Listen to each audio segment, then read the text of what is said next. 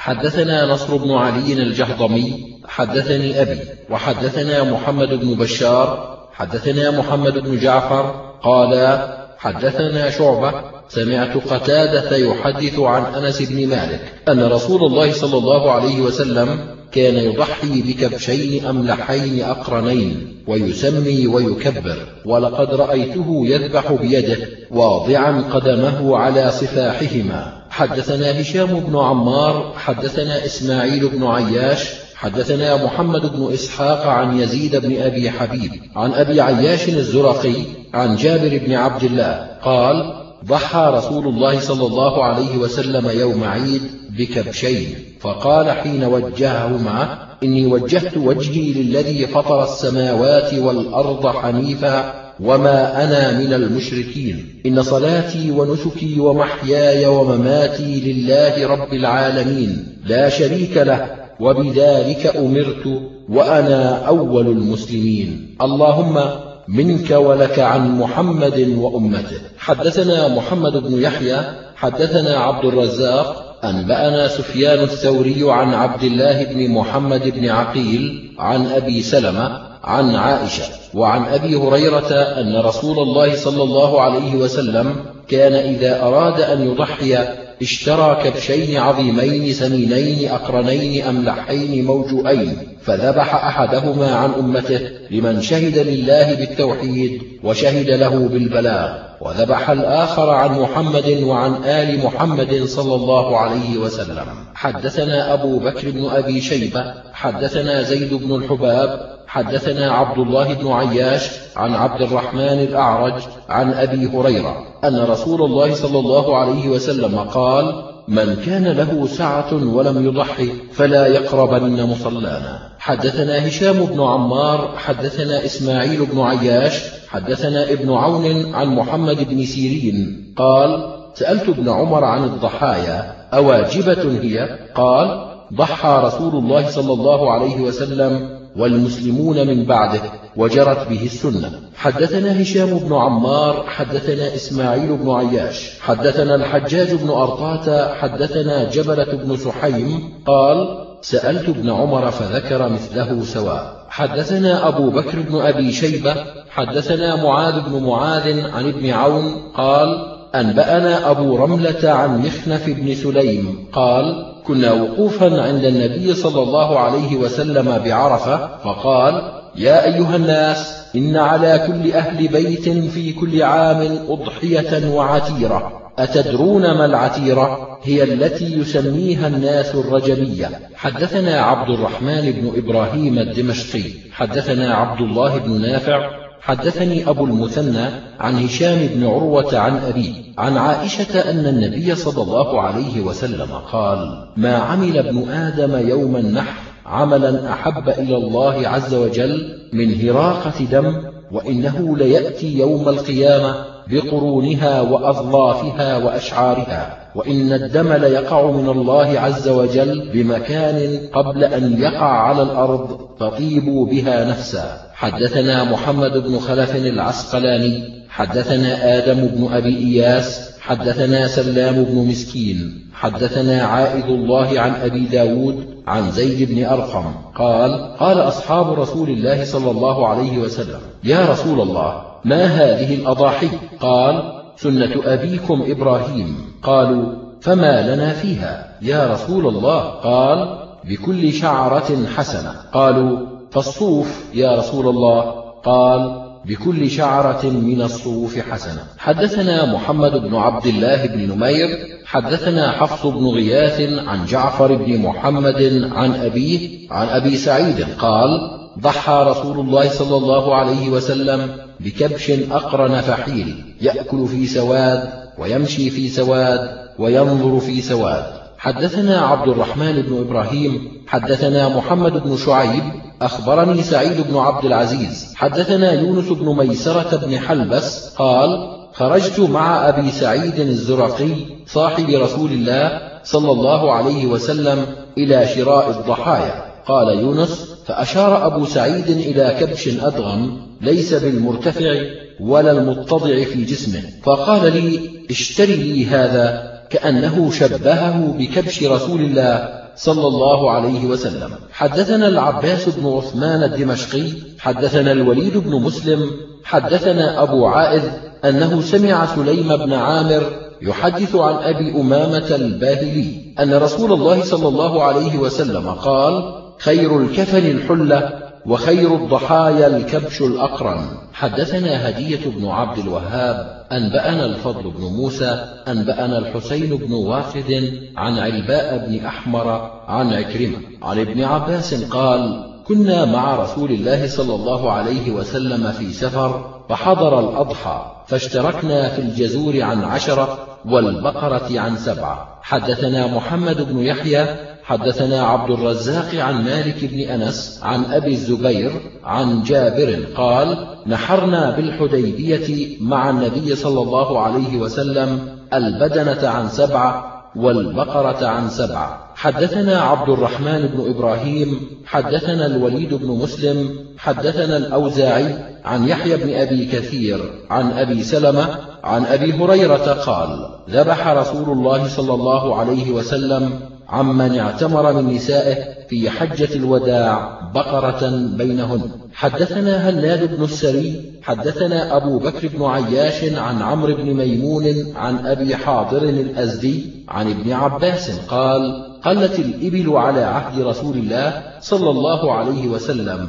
فأمرهم أن ينحروا البقر. حدثنا أحمد بن عمرو بن السرح المصري أبو طاهر أنبأنا ابن وهب أنبأنا يونس عن ابن شهاب عن عمرة عن عائشة أن رسول الله صلى الله عليه وسلم نحر عن آل محمد صلى الله عليه وسلم في حجة الوداع بقرة واحدة. حدثنا محمد بن معمر حدثنا محمد بن بكر البرساني حدثنا ابن جريج قال قال عطاء الخراساني عن ابن عباس أن النبي صلى الله عليه وسلم أتاه رجل فقال إن علي بدنة وأنا موسر بها ولا أجدها فأشتريها. فأمره النبي صلى الله عليه وسلم أن يبتاع سبع شياه فيذبحهن. حدثنا أبو كريب حدثنا المحاربي عبد الرحيم عن سفيان الثوري عن سعيد بن مسروق وحدثنا الحسين بن علي عن زائدة عن سعيد بن مسروق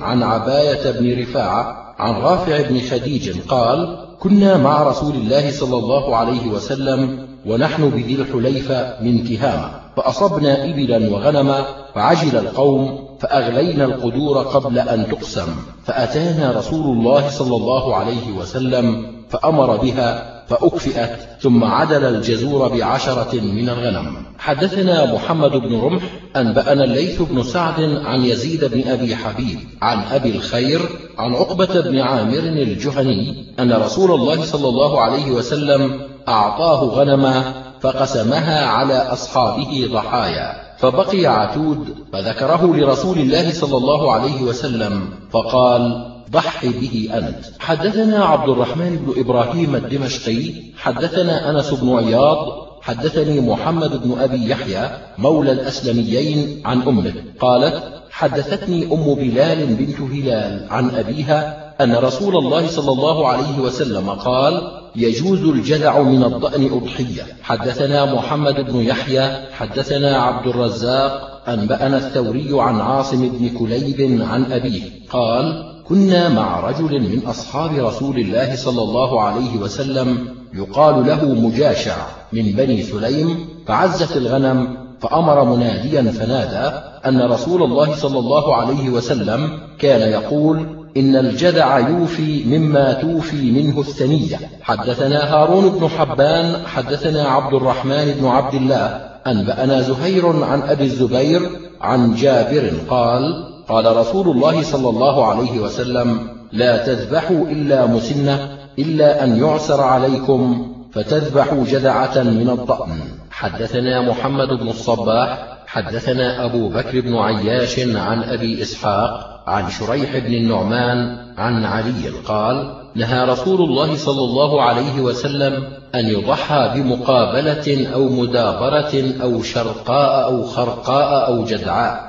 حدثنا أبو بكر بن أبي شيبة حدثنا وكيع حدثنا سفيان بن عيينة عن سلمة بن كهيل عن حجية بن عدي عن علي قال أمرنا رسول الله صلى الله عليه وسلم أن نستشرف العين والأذن. حدثنا محمد بن بشار حدثنا يحيى بن سعيد ومحمد بن جعفر وعبد الرحمن وأبو داود وابن أبي عدي وأبو الوليد قالوا حدثنا شعبة سمعت سليمان بن عبد الرحمن قال سمعت عبيد بن فيروز قال قلت للبراء بن عازب حدثني بما كره أو نهى عنه رسول الله صلى الله عليه وسلم من الأضاحي فقال قال رسول الله صلى الله عليه وسلم هكذا بيده ويدي أقصر من يده أربع لا تجزئ في الأضاحي العوراء البين عورها والمريضة البين مرضها والعرجاء البين غلعها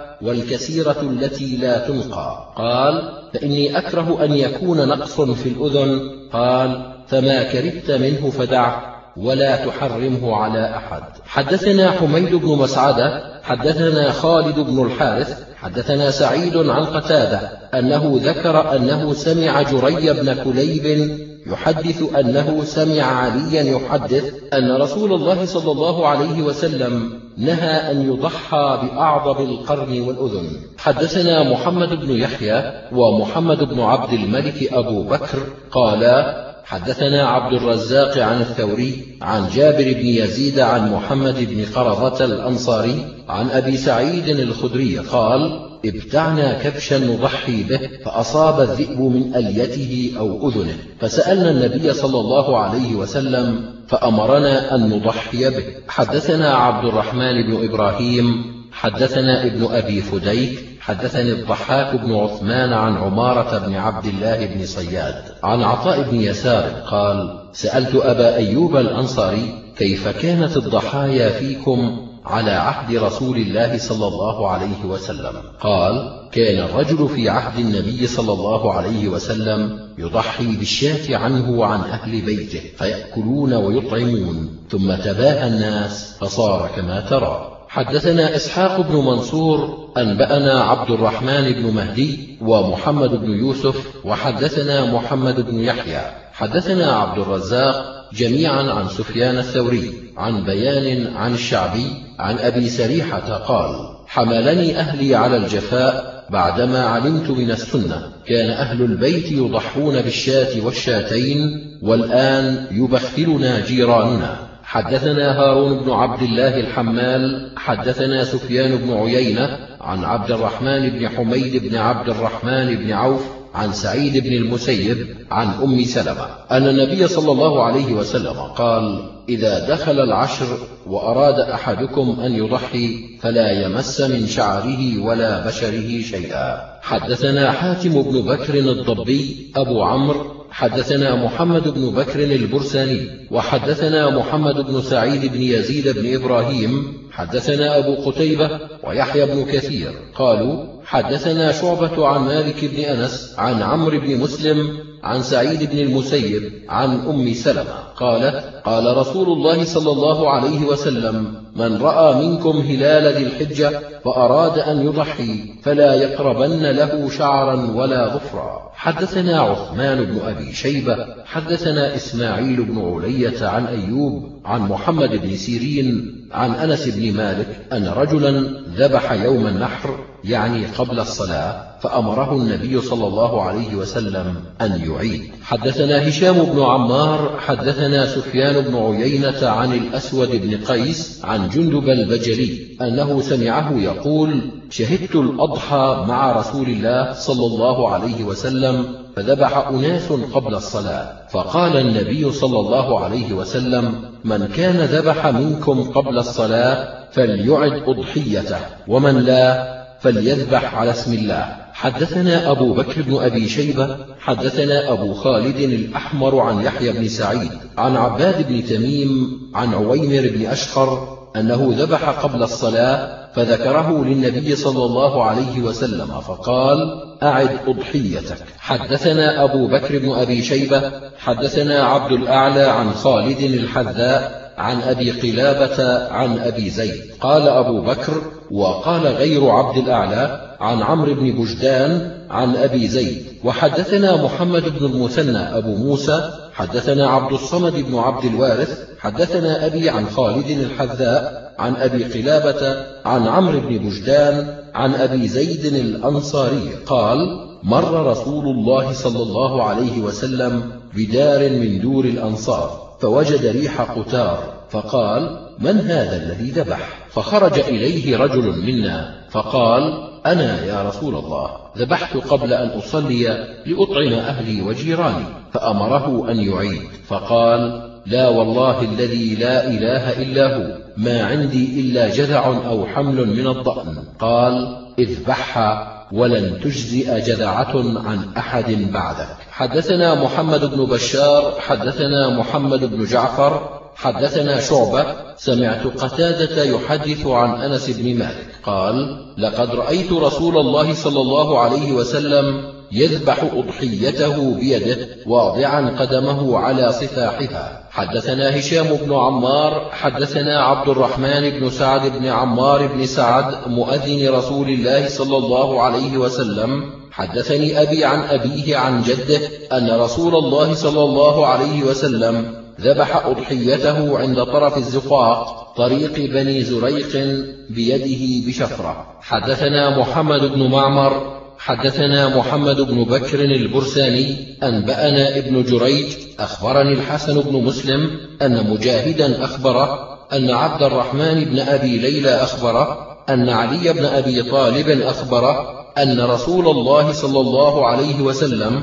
أمره أن يقسم بدنه كلها لحومها وجلودها وجلالها للمساكين. حدثنا هشام بن عمار حدثنا سفيان بن عيينة عن جعفر بن محمد عن أبيه عن جابر بن عبد الله أن رسول الله صلى الله عليه وسلم أمر من كل جزور ببضعة فجعلت في قدر فأكلوا من اللحم وحسوا من المرق. حدثنا أبو بكر بن أبي شيبة حدثنا وكيع عن سفيان عن عبد الرحمن بن عابس عن أبيه عن عائشة قالت إنما نهى رسول الله صلى الله عليه وسلم عن لحوم الأضاحي لجهد الناس ثم رخص فيها. حدثنا أبو بكر بن أبي شيبة حدثنا عبد الأعلى بن عبد الأعلى عن خالد الحذاء عن أبي المليح عن نبيشة أن رسول الله صلى الله عليه وسلم قال كنت نهيتكم عن لحوم الأضاحي فوق ثلاثة أيام